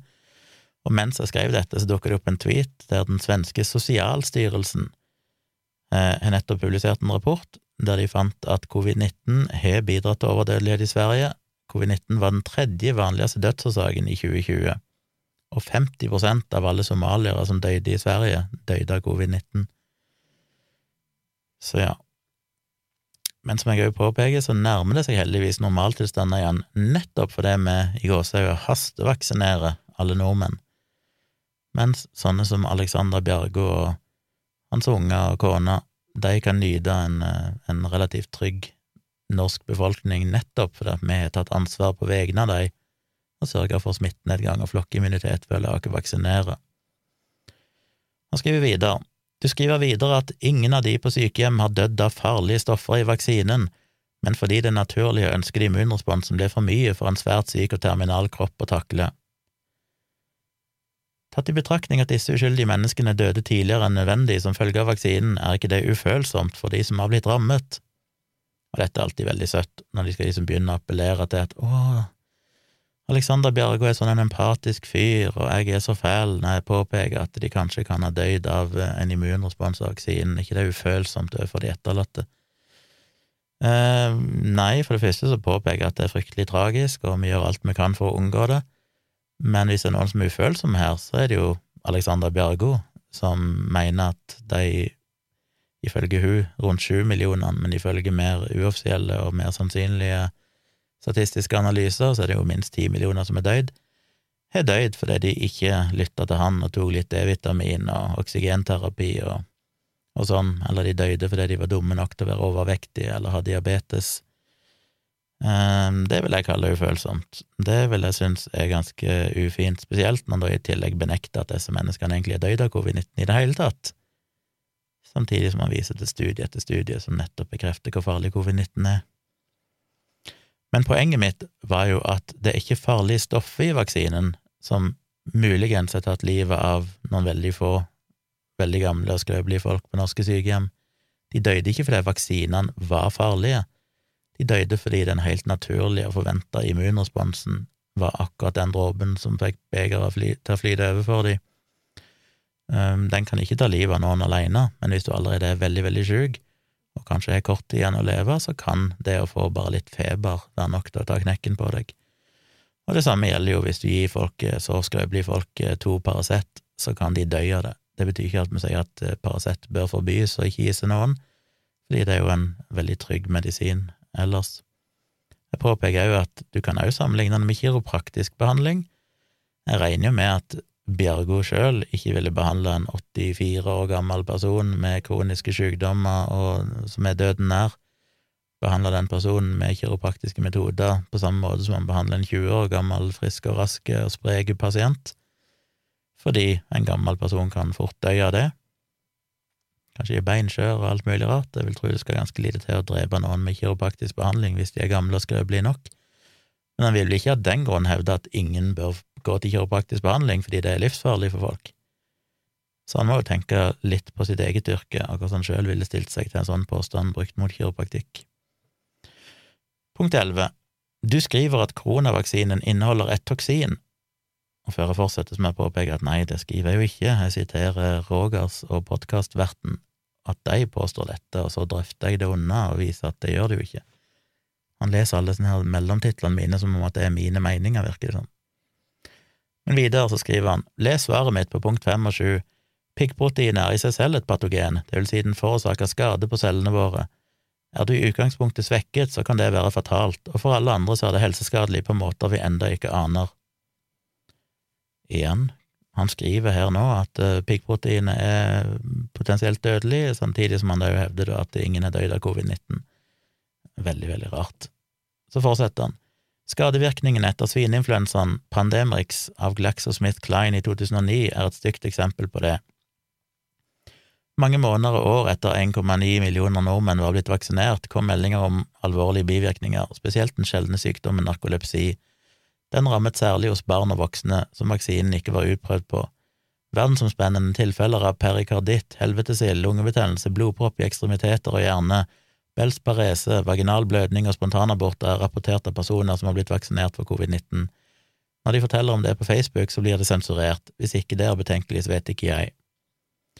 Vel, dette skriver jeg ikke i bloggposten, vel, men en kan jo ta for seg sånn som spontanaborter, vaginal blødning og sånn, det er jo gjort studier på det, det finnes ingen sammenheng mellom vaksinene og spontanaborter, det er ikke oppdaga. Men igjen så handler jo dette om det, som jeg da skriver litt mer nøye her, som jeg gjorde innom tidligere i bloggposten, med dette med bakgrunnsrate. Og der bruker jeg jo Bels Parese som et godt eksempel, fordi allerede i 2012 skrev jeg en bloggpost om det, da Dagbladet gikk ut med en stor forside og hevda at ei jente var redd hun hadde blitt lamma i ansiktet på grunn av HPV-vaksinen. Hun hadde fått eh, Bels parese, som er sånn lammelse i halve ansiktet, som er ufarlig og er forbigående, eh, men selvfølgelig er det jækla kjipt å bli lam i halve ansiktet en periode. Jeg hadde sjøl en nabo, eh, ei ung jente, som fikk det, men det går jo over seg sjøl og er helt ufarlig. Men kjipt, selvfølgelig. Men dette får folk hele tida. Du kan få det av tusenvis av forskjellige grunner, alt fra stress til infeksjoner og forskjellige ting. Poenget er jo, er det flere som får det etter vaksinering enn de som fikk det uten vaksinering? Hvis ikke det er det, hvis antallet som får det etter vaksinering tilsvarer bakgrunnsraten, altså det naturlige antallet mennesker som får en viss sykdom eller symptom, eller som dør, så kan en ikke anta at det har noe med vaksinen å gjøre. Det er jo kun når du ser at det plutselig er flere som får det enn det en skulle forvente, innenfor et visst tidsrom at en begynner å tenke at her kan det være noe. Og det var jo akkurat det som skjedde med AstraZeneca-vaksinen. Jeg mener det er ikke første gang folk har fått blodsykdommen, eller hva du skal kalle det, VITT, denne her spesielle blodpropptypen. Folk har fått det før òg, lenge før det eksisterte noen mRNA-vaksiner, eller ja, det er jo ikke mRNA-vaksiner, men AstraZeneca-vaksinen spesifikt, muligens Janssen-vaksinen, det vet vi ikke helt sikkert ennå. Folk har fått den sykdommen til alle tider, veldig sjeldent, men vi har nok data på det til at de har noen tall på bakgrunnsraten, altså hvor mange ville du forvente i en viss aldersgruppe ville få dette her VITT i løpet av en viss periode. Og når de da undersøkte de nye tilfellene som oppsto etter AstraZeneca-vaksinering, så fant de at tallet lå høyere enn det en ville forvente av bakgrunnsraten. Derfor ble vaksinen stoppa. Men Spels parese, for eksempel, det får folk hele tida, og de har granska dette, det er litt usikkerhet ennå. Det kan vise seg at det er noe knytta til vaksinen. Eh, det har skjedd med én tidligere vaksine, men igjen så er det sjeldent, det er ufarlig, det er neppe noe grunnlag for å stoppe vaksinering uansett, og de fraråder ikke folk som har hatt belsparese før, å få vaksinen heller. Eh, så mest sannsynlig er det ikke noen sammenheng. Og når du går inn på alle sånne ting, sånn som spontanaborter, det var jo akkurat det samme med svineinfluensavaksinen. Da var det jo folk som hevda at de hadde spontanabortert etter den, men der gjennomførte de jo en stor studie og fant at det var ikke noe høyere risiko for spontanabort eller for tidlige fødsler um, hos vaksinerte sammenlignet med uvaksinerte. Faktisk så fant de jo at det var litt lavere risiko, men det resultatet mener jeg husker ikke var statistisk signifikant, så en kunne ikke legge vekt på det. Men dataen pekte i så fall i retning av en beskyttende effekt av vaksinen, ikke en utløsende effekt. Så dette prøver jeg å forklare, og dette har jeg jo skrevet mye bloggposter om tidligere, jeg har skrevet om de bøkene mine og alt mulig, det begynner å bli litt kjedelig å skulle forklare det på nytt og på nytt. Men det er jo kanskje den mest sentrale misforståelsen som finnes i hele denne debatten, er jo dette med at disse folkene ikke forstår konseptet bakgrunnsrate, enten det gjelder dødsfall eller sykdommer. Folk slutter ikke å få Bells parese selv om de blir vaksinert. Damer slutter ikke å spontanabortere selv om de blir vaksinert. Gamle folk slutter ikke å dø selv om de blir vaksinert. Dette er bakgrunnsrate. Vi må se om det er flere som får det enn bakgrunnsraten, for å se om det kan være en sammenheng. Så ja. Og når det gjelder svineinfluensavaksinen, så henviser jeg bare til den lange bloggposten jeg skrev tilbake i desember, eller hva tid det var, der jeg sammenligna svineinfluensavaksinen med, med covid-pandemien og covid-vaksiner og granska det ganske grundig. Punkt tolv. Du skriver de siste månedene har vi lest om enhver mikroskopisk og hypotetisk risiko for bivirkning, hvor alle unntatt én har vist seg å stemme. Det amerikanske vaksinerapporteringssystemet, VAERS, har registrert flere dødsfall etter covid-19-vaksinasjon enn alle tilgjengelige vaksiner kombinert fra midten av 1997 til slutten av 2012, en periode på 15 15,5 år. Hva ønsker du egentlig å oppnå ved å være så bastant og unyansert? For de som har mistet familiemedlemmer til vaksinen, så kan du en slik skråsikker uttalelse virker svært provoserende. Igjen, ingen har sannsynligvis mistet familiemedlemmer til vaksinen, hvis vi da snakker om spesifikt mRNA-vaksinene.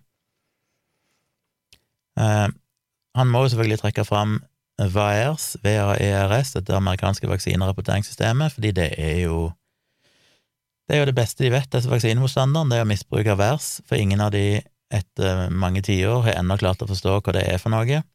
Det er et frivillig registreringssystem der folk kan registrere medisinsk interessante hendelser etter vaksinering. Det er ikke en database som viser vaksinebivirkninger. Hvis jeg får en vaksine, og tre uker seinere får spontan blødning fra anus, så kan jeg rapportere det. Det vil ligge i Vaiers hvis jeg hadde bodd i USA. Det betyr jo ikke at det hadde noen ting med vaksinen å gjøre. Tilbake i 2012, da jeg skrev om dette, eller var kanskje tidligere, så skrev jeg om HPV-vaksinen, for der gjorde de akkurat det samme. Det var sånn, ifølge Vaier så er 30 000 amerikanske jenter døyd av HPV-vaksinen. Sannheten var jo at, jeg husker ikke om det var 30 000, men et eller annet antall hadde selvfølgelig døyd etter vaksinering, fordi folk ikke slutter å dø etter vaksinering. De dør akkurat like mange som det som døde i den uvaksinerte gruppa, men de blir registrert i VAERS uansett. Og som jeg viste i den bloggposten, der finner du òg Det var fire av dødsfallene skyldtes bilulykker. Så om du dør i ei bilulykke, så blir det registrert i VAERS. Jeg tror det er vanskelig å argumentere for at det skyldes vaksinen, men øh, dette forstår altså ikke Alexander Bjargo og co. Poenget med hva er at du registrerer så mye bivirkninger som mulig. Selvfølgelig er det veldig lite bivirkninger som blir registrert der. For eksempel hvis jeg får smerter i armen i 24 timer etter vaksinering, så går ikke jeg og registrerer det som en bivirkning. Det er forventa, det er helt ufarlig. Så hvis du begynner å ta med alle sånne bivirkninger, så er det kanskje en prosent eller sånn som blir, som blir rapportert, og det er vel ikke helt uh, urimelig at det er riktig, fordi jeg vil tippe at 99% av bivirkninger er forbigående og ufarlige, og ingen som gidder å rapportere de. Men det er altså ikke en database bekrefta vaksinebivirkninger. Men myndighetene følger med på dette, og hvis de ser at oi, her er det plutselig særdeles mange som får for eksempel Bells parese, så kan de gå inn og begynne å sjekke er dette flere enn det som er forventa i bakgrunnsraten. Hvis det er det, så bør de gå inn og sjekke en del eksempler for å se er det noe, kan, kan dette forklares på andre måter, eller er det sannsynlig at det er vaksinen. Og det har de gjort, og gjør kontinuerlig, og det har vært eksempler i historien der de har funnet at oi, her er det faktisk noe som ser ut til å oppstå hyppigere hos vaksinerte enn andre. Og det har vel, så vidt jeg husker, til og med i hvert fall én vaksine som er blitt stoppa på grunnlag av det. Men det er ikke fordi de ser at oi, her er det 5000 registrert i VAERS. Det er derimot, her er det 5000 registrert i VAERS, og vi hadde ikke forventa mer enn 3500. Da må vi inn og sjekke, så går de inn og sjekker sykdomshistorikk og sånn for å finne ut om det finnes andre forklaringer. Så det er poenget med VAERS, det er ikke en, en database over dokumenterte vaksinebivirkninger. Og som mange andre har påpekt òg, det er veldig lett å registrere falske data, det er ingen som sjekker det, det er jo folk som har spekulert i det og registrert alt mulig ville ting om katten sin og alt mulig rart i VAERS, bare for å liksom demonstrere at dette er jo ikke noen, noen som har bekrefta disse tilfellene. Ikke at jeg tror at det er fullt av falske rapporter, men poenget er at det er ingen som bekrefter det. Ergo så er det ikke engang en lege som har bekreftet symptomet, dette er jo bare hva du sjøl føler. Hvis du føler at det er sånn, så kan det registreres der. Så ja. Men eh, så jeg påpeker at dette er jo ikke å være bastant. Han sier jo at jeg er bastant unyansert. Det er jo ikke å være bastant, det er jo derimot å forstå hva jeg faktisk snakker om, i motsetning til han. Vi nærmer oss slutten. Punkt 13. Du skriver at Rogers forsøker å skremme folk med rent svada. Svada? Er det ikke skremmende å utsette våre barn for en eksperimentell mRNA-behandling for et virus de ikke blir syke av? Ikke ett covid-dødsfall har blitt smittesporet til barn. Du skriver det er altruistisk. Å manipulere noen til å gjøre noe som ikke er til deres fordel, er ikke altruistisk, men derimot ondsinnet i min verden. Og igjen så skjønner jeg ikke helt hvorfor han skriver dette når han ja, later iallfall som han har lest min bloggpost og svarer på den, fordi der legger jeg jo med dokumentasjon på at det er registrert mange dødsfall hos barn, i snitt iallfall minst ett om dagen i USA. Og dette, mange av de, om ikke de aller fleste, var faktisk barn uten underliggende sykdommer heller. Så det er forferdelig tragisk, så jeg skjønner ikke helt hvorfor han bare later som at det er ikke er tilfellet. Det kan jo selvfølgelig være at han sikter til Norge, muligens, og det er jo veldig hendig å bruke norske tall, fordi norske tall kommer alltid veldig godt ut, nettopp fordi vi har praktisert smittevern og lockdowns og sånn, som Bjergo da er motstander av. Ser en på land som ikke har gjort det i samme grad, så finner en jo plutselig dødsfall hos veldig unge mennesker, inklusiv barn. Men ja, eh, påpeker jeg jo at vaksinen er jo ikke eksperimentell. Jeg forsker på mRNA-vaksiner i 20 år, og denne vaksinen er gått gjennom, eller disse mRNA-vaksinene har gått gjennom akkurat de samme krav til testing, sikkerhet, effekt som andre vaksiner. Og vi har satt flere hundre millioner doser nå, og vi ikke oppdaga noen ukjente alvorlige bivirkninger i løpet av de månedene som er gått, så Bjargo og co. er jo veldig opptatt av det hypotetiske, sånn ja, men tenk om kanskje, hvis at men de glemmer å åpne øynene og se men hva er det egentlig vi har data på, hva er det som skjer i den virkelige verden? Jo, hundrevis av millioner doser er satt, og vi har ikke opplevd noen av disse bivirkningene som de nå har snakket om i evigheter. Kan jo være på tide å faktisk stikke fingeren i jordet. Punkt 14. Du skriver at det er tull at Ivermektin virker mot covid-19. Det stemmer ikke med dette studiet fra Peru, der Jua Chamey gikk gjennom smitte og død i åtte regioner som begynte massedistribusjon av Ivermektin. Konklusjonen er rimelig klar. Massebehandlinger med Ivermektin forårsaket mest sannsynlig 14 ganger reduksjon i dødelighet i Peru til og med 1. desember 2020. Har det streifet deg at dette er et, en av at dette er av forretningsmessige grunner, da vaksineindustrien ikke ser seg tjent med bruk av ikke-patenterte billige medikamenter som Ivermektin. Til opplysning så forventer Pfizer å tjene inn 15 milliarder dollar i 2021 fra salg av sin mRNA-eksperimentelle covid-vaksine. Du lurer på hvordan Runi Rogers med høyere utdanning ikke forstår de mest fundamentale ting om hvordan verden fungerer. Jeg lurer på det samme med deg. Og da påpeker jeg igjen, han viser altså til en studie, han gikk ikke noen link her, så jeg måtte google navn og sånn, og Peru, men jeg fant studien til slutt. Han viser til en studie som dokumenterer at det har vært enorm dødelighet i Peru av covid-19, og så sier han sjøl at covid-19 ikke fører til dødelighet, og viruset ikke eksisterer. Helt ufattelig.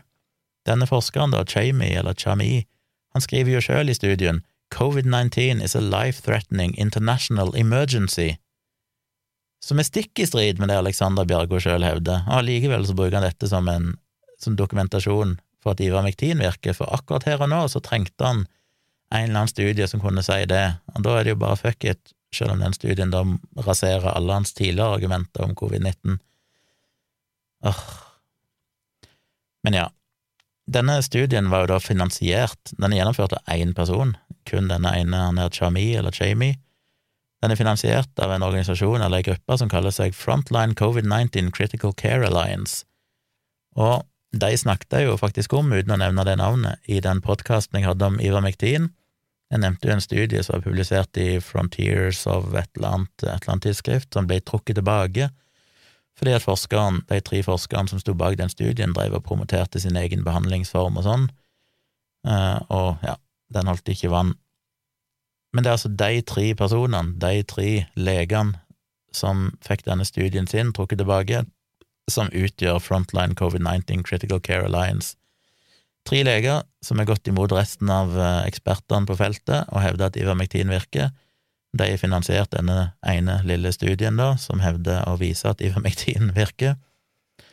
Så ja, ikke så veldig objektiv hvis eh, Bjargo skal være opptatt av dette med hvem som finansierer studier og sånne ting. Men det ser jo bare ut til å gjelde når det studiene ikke liker.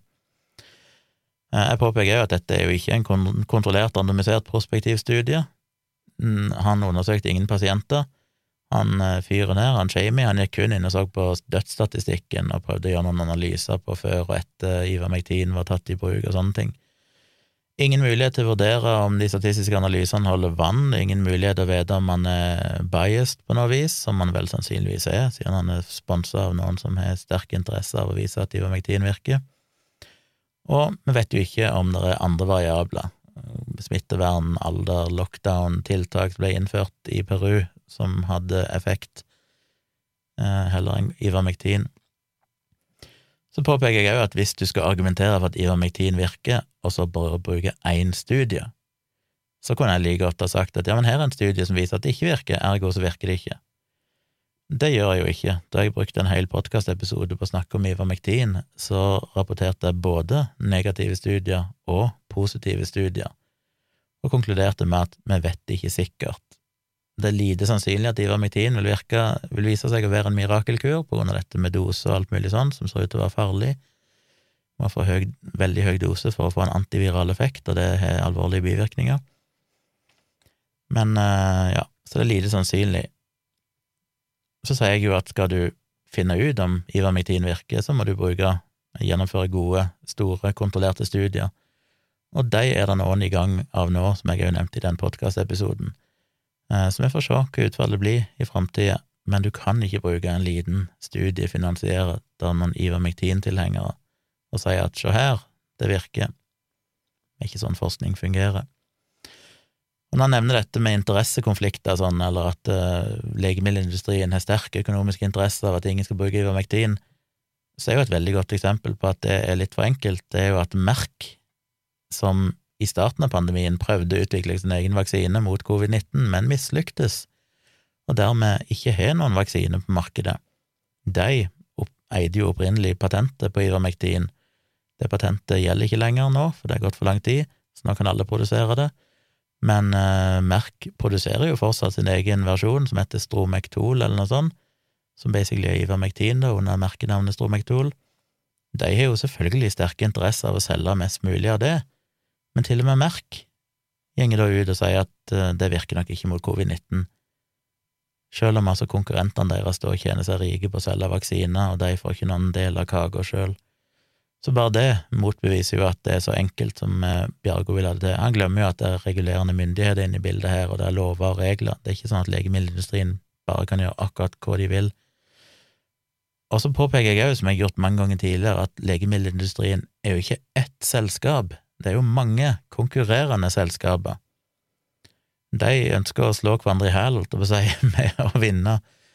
Eh, så Merck er jo en del av legemiddelindustrien, men har jo ikke de samme interessene som Pfizer har, eller Moderna, tvert imot. Så ideen om dette her Big Pharma, som om at de alle har samme intensjon, når de i praksis er konkurrenter, de har gjerne hver sin vaksine for samme sykdom og ønsker å vinne anbud, alt dette her, de er arge konkurrenter, de er ikke én legemiddelindustri som samarbeider. Så ja. Så påpeker jeg jo dette, som jeg òg blogga om for mange år siden, at uh, Bjargo sjøl promoterer jo en behandling mot covid-19 som blant annet er vitaminer og kosttilskudd. Og hvem er det som tjener mest penger på vitaminer og kosttilskudd? Det er legemiddelindustrien. Legemiddelindustrien produserer det aller meste av det.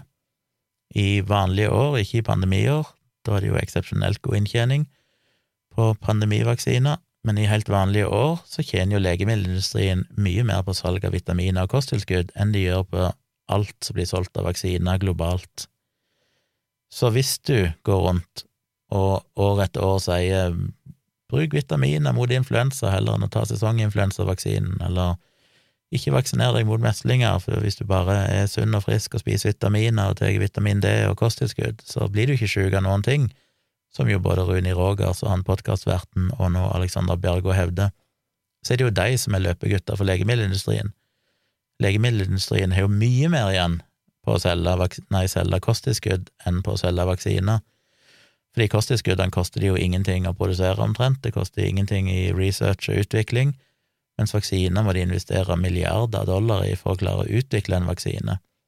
Og hvis de lykkes, så tjener de det inn igjen. Mange av de lyktes ikke. De kasta inn milliarder av dollar, kanskje, på å prøve å lage en pandemivaksine, men det feila, og de pengene får de ikke tilbake igjen. Og så lenker jeg til en artikkel som jeg har lenka til tidligere, som forklarer dette med at eh, tidligere så var det mange flere vaksineprodusenter, men de aller fleste slutta fordi det var ikke lønnsomt. Så i dag har vi relativt få vaksineprodusenter igjen i verden som gidder å ta den risikoen. Så det økonomiske argumentet holder faktisk ikke når det gjelder vaksiner generelt sett. Og promoterer du vitamin D, så er nok egentlig bare legemiddelindustrien fryktelig glad, hvis de bare tenkte penger. Siste punktet, nei, nest siste punktet. Å ja, han skrev han hadde 15 punkter, men han hadde 16, ja. 15. Du skriver at Rogers klokketro på at kosttilskudd plasserer henne i kategorien alternaiv. Mener du hennes bruk av naturlig, anerkjent og effektiv ortomolekylær medisin? Du synes ikke myndighetene grovt har forsømt sin informasjonsplikt ved å ikke informere befolkningene om effektive metoder for å begrense smitte og motvirke alvorlig sykdom dersom man blir smittet. Tror du ikke vi kunne spart mange liv hvis helsevesenet hadde fulgt mine råd for at Facebook-innlegget skrev 25. april? Du svarer sikkert at vaksiner er bedre, men mitt spørsmål er da hvor mange? Pfizer snakker allerede om boostershots til høsten, hvor går grensen for hva kroppen tåler av vaksiner? For det første så påpeker jeg jo at myndighetene har brukt over et år nå på å fortelle dere hvordan vi begrenser smitte dersom du blir smitta, og det handler jo om smitteverntiltak og dette her, som da Bjergo er sterk motstander av. Så jeg skjønner ikke helt at de mener at de har forsømt sin informasjonsplikt ved å ikke informere om dette, det har de jo gjort. Men selvfølgelig så er det ikke det han egentlig mener, han mener jo tullemedisin. Eh, og jeg påpeker at det finnes derimot ingen effektiv metode å begrense alvorlig sykdom på eget initiativ hvis du blir smitta. Det er ikke sånn at hvis du blir alvorlig syk av covid-19, så finnes det noe du kan gjøre sjøl. Ta litt D-vitamin, så blir du frisk.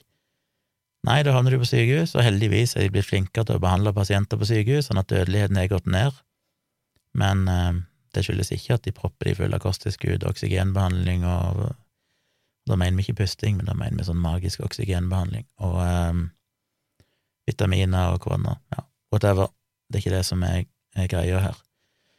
Så nei, jeg syns ikke myndighetene får sømt sin informasjonsplikt, fordi at de faktisk skal fortelle det har evidens for, og det er at det er vaksiner som beskytter, ikke tullemedisin ifra Bjargo eller andre. Og så er jo han selvfølgelig tilhenger av det han kaller for ortomolekylær medisin, som jo er kvakksalveri.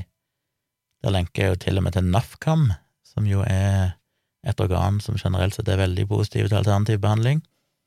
De sier jo sjøl at det finnes ingen god forskning som viser at ortomolekylær medisin er effektiv på noe som helst og som jeg kaller det i bloggposten, så er det en spesialdesigna pengemaskin for kvakksalvere som vil lure sårbare mennesker, og det støtter jo selvfølgelig Bjargo fullt og helt. Siste punkt, 16, da er vi over på PCR-testen. Det er noen problemer med PCR-testen som du unngår å adressere. SARS-CoV-2-viruset har aldri blitt isolert. I et kinesisk studie sentrifugerte de slim og snørr for deretter å skille de større og tyngre fra de mindre og lette molekylene. Supernantanten den øvre delen av sentrifugert materiale, har de kalt isolatet, som de deretter bruker PCR-testen på å identifisere. Problemet er at supernatanten inneholder alle mulige molekyler, milliarder forskjellige mikro- og nanopartikler, inkludert det som kalles ekstracellulære vesikler, EV, og eksosomer, som er nyttige partikler produsert av egen kropp, som alle er absolutt umulig å skille fra virus. Og da skriver jeg jo at det er søtt at en kiropraktor som driver med tullemedisin, skal forklare verdens fremste eksperter på virus at de nok egentlig ikke er isolert viruset, de har nok misforstått dette. Eh, jeg er helt 100 overbevist om at eh, Alexander Bjergo ikke skjønte bæret av det han sjøl skrev. Jeg skjønner ikke dette, jeg kan ikke nok om det. Han har sannsynligvis funnet et eller annet et sted som han, noen har sagt, som han tror trekker ut essensen. Men viruset er jo isolert, og hele DNA-et, hele genomet, er sekvensert. Du kan til og med bestille det fra CDC. Hvis du ønsker å drive forskning på SARS-CoV-2, så kan du få det ferdig bestilt, ferdig virus, fordi de har isolert de, de har de.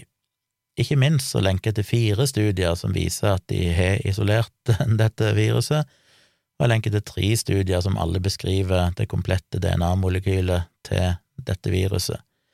Og jeg linker også til et uh, bildegalleri fra amerikanske helsemyndigheter av, med bilder av viruset. Så det å hevde at det ikke eksisterer, ikke er isolert, eh, ikke vi vet om det fører til covid-19, alt det der er jo bare bare tull. Har nok av dokumentasjon på at det er det i aller høyeste grad. Altså gidder jeg ikke lese resten han skriver, han skriver mer sånn svada som eh, ikke er veldig relevant, men han kommer på slutten med et annet problem Altså, han skriver om ja, sekvensering av eh, genom og sånn, som jeg ikke tror han skjønner noen ting av. Men han skriver til slutt et annet problem med PCR-tester er falske positive når det brukes for høye sykluser på asymptomatiske friske mennesker. En artikkel publisert allerede 5. mars 2020 i Kina rapporterte et antall på 80,3 av falske positive. Og igjen, et gigantisk panneklask, fordi jeg skrev jo om dette i forrige bloggpost. Dette er vi ikke uenig i. Som jeg sa der, og sier igjen, jeg var sjøl med og jobba i Folkeopplysningen der vi nettopp demonstrerte akkurat dette poenget, at hvis du har en test som i prinsippet er for eksempel 99,9% treffsikker, men du har få tilfeller i utgangspunktet, så vil du fortsatt ende opp med en veldig høy andel av falske positive. Ja, du vil faktisk få over 90% falske positive hvis du bare tester randomly i befolkningen, og det er mindre enn én av 10 000 som er smitta. Dette vet vi, dette er vi fullstendig klar over. Jeg skrev om det i bloggposten, jeg lenka til kilder som bekrefter dette. Faktisk.no har skrevet mye om dette og vist at ja, det er helt korrekt, men det er ikke sånn vi bruker PCR-tester i Norge, eller når de tester folk generelt sett. Eh, når du skal diagnostisere folk, så, så, er det ikke på den måten. Da test, går du ikke bare ut og sier alle må teste seg. Ikke sånn det fungerer. Så, men det har jeg forklart så mange ganger i tidligere bloggposter at jeg orker ikke å Det er ikke noe vits i å skrive det på nytt hvis de fortsetter. Og igjen, han nevner dette med for høye sykluser. Jeg har jo forklart i den forrige bloggposten hvordan det fungerer, men eh, det ser ikke ut til at de klarer å forstå disse enkle prinsippene. Så avslutter han med du avslutter med å konkludere The amount of energy necessary to refute bullshit is an order of magnitude bigger than to produce it. Det er jeg faktisk helt enig i, selv om min konklusjon er litt annerledes. Konklusjon mRNA-vaksinen har ukjente langvarige bivirkninger. Vaksinen har et teoretisk potensial til å forårsake alvorlig sykdom når utsatt for fremtidig smitte av andre nye virus med andre egenskaper. NB, jeg har dokumentasjon på det meste, bare spør. Ja, Ikke noen sterk avslutning, ettersom han har brukt 16 punkter på å ikke klare å dokumentere det, der alle utenom én studie ikke handler om vaksinering, og den studien som handler om vaksinering, eh, handler om så mikroskopiske doser at studien sjøl sa at dette var helt ufarlig. Så det er vanskelig å vite hvordan en skal konkludere. Eh, det interessante er jo at han legger fram studie etter studie som bekrefter hvor farlig covid-19 er, samtidig som han hevder at covid-19 ikke er farlig. Han klarer ikke å finne studier som faktisk handler om vaksinering. Han eh, bruker viser til studier som ikke handler om mRNA-vaksiner. Han viser til studier som er publisert før SARS-viruset i det hele tatt eh, SARS-CoV-2 eksisterte, og så videre og så. Det er bare en sammensurium av desperate forsøk på å finne et eller annet halmstrå å klamre seg til. En eller annen liten upublisert studie som tilsynelatende sier det han ønsker han skal si. Så bruker han den finner et sitat ifra en forsker som ser ut til å passe, så bruker han det, ignorerer at samme forskeren har direkte motstridt eh, hans sine poenger i flere andre tweets. Det er bare håpløst, og jeg på en måte skjønner jeg jo ikke at jeg bruker mange timer på å sitte og skrive dette, men som jeg sa innledningsvis, til syvende og sist er det jo dette jeg lærer av. Jeg hadde ikke kunnet noe om disse tingene hvis ikke jeg hadde sittet i sannsynligvis hundrevis, kanskje tusenvis av timer og researcha de siste 15 årene og skrevet om vaksiner for å prøve å forstå dette. Så jeg håper du verdsetter det. Støtt meg gjerne på Patron hvis du syns det er verdt det. 30 kroner i måneden hvis du ønsker å gi meg eh, en grunnleggende støtte, så kan du gå opp i pris for å få litt bonusinnhold i tillegg. Eller kjøp meg en kaffe på buymeacoffee.com slash civics. Der er linker og knapper inne på bloggen min hvis dere vil ha enkel tilgang til det. Syns dere det er verdt at noen bruker timevis på å tilbakevise feil informasjon, så setter jeg veldig pris på støtte. Kanskje en dag så slipper jeg å sitte på toget hjemme fra jobb og gjøre det fordi jeg faktisk har et økonomisk grunnlag til å drive med det til litt mer anstendige tider. Og jeg slipper å sitte klokka tre på natta og spille inn podkast. Men uh, ja. jeg håper dere setter pris på denne gjennomgangen. Jeg vil jo gjerne dere lese bloggposten, for der står det jo detaljer og kilder som ikke jeg har kommet innom her i podkasten. Uh, og som sagt, del gjerne bloggposten, og del gjerne podkasten òg. Det setter jeg veldig pris på. Jeg kommer nok til å embedde denne podkastepisoden i toppen av selve bloggposten, sånn at den blir lett tilgjengelig i sin rette sammenheng. Men da skal jeg avslutte, det ble en lang episode. Takk for at du hørte på, og så er jeg tilbake med en livestream seinere i kveld, altså fredag 11. juni. En eller annen gang seint på kvelden så fyrer jeg av gårde en livestream på min YouTube-kanal Tvilsomt med Tjomli. Bare gå inn på YouTube og søk på Tomprat live, så finner du kanalen min, og så dukker det opp en livestream der i løpet av kvelden i morgen, som sikkert går live i ellevetid eller midnatt eller noe sånt, ganske seint, altså. Så ja, da avslutter jeg.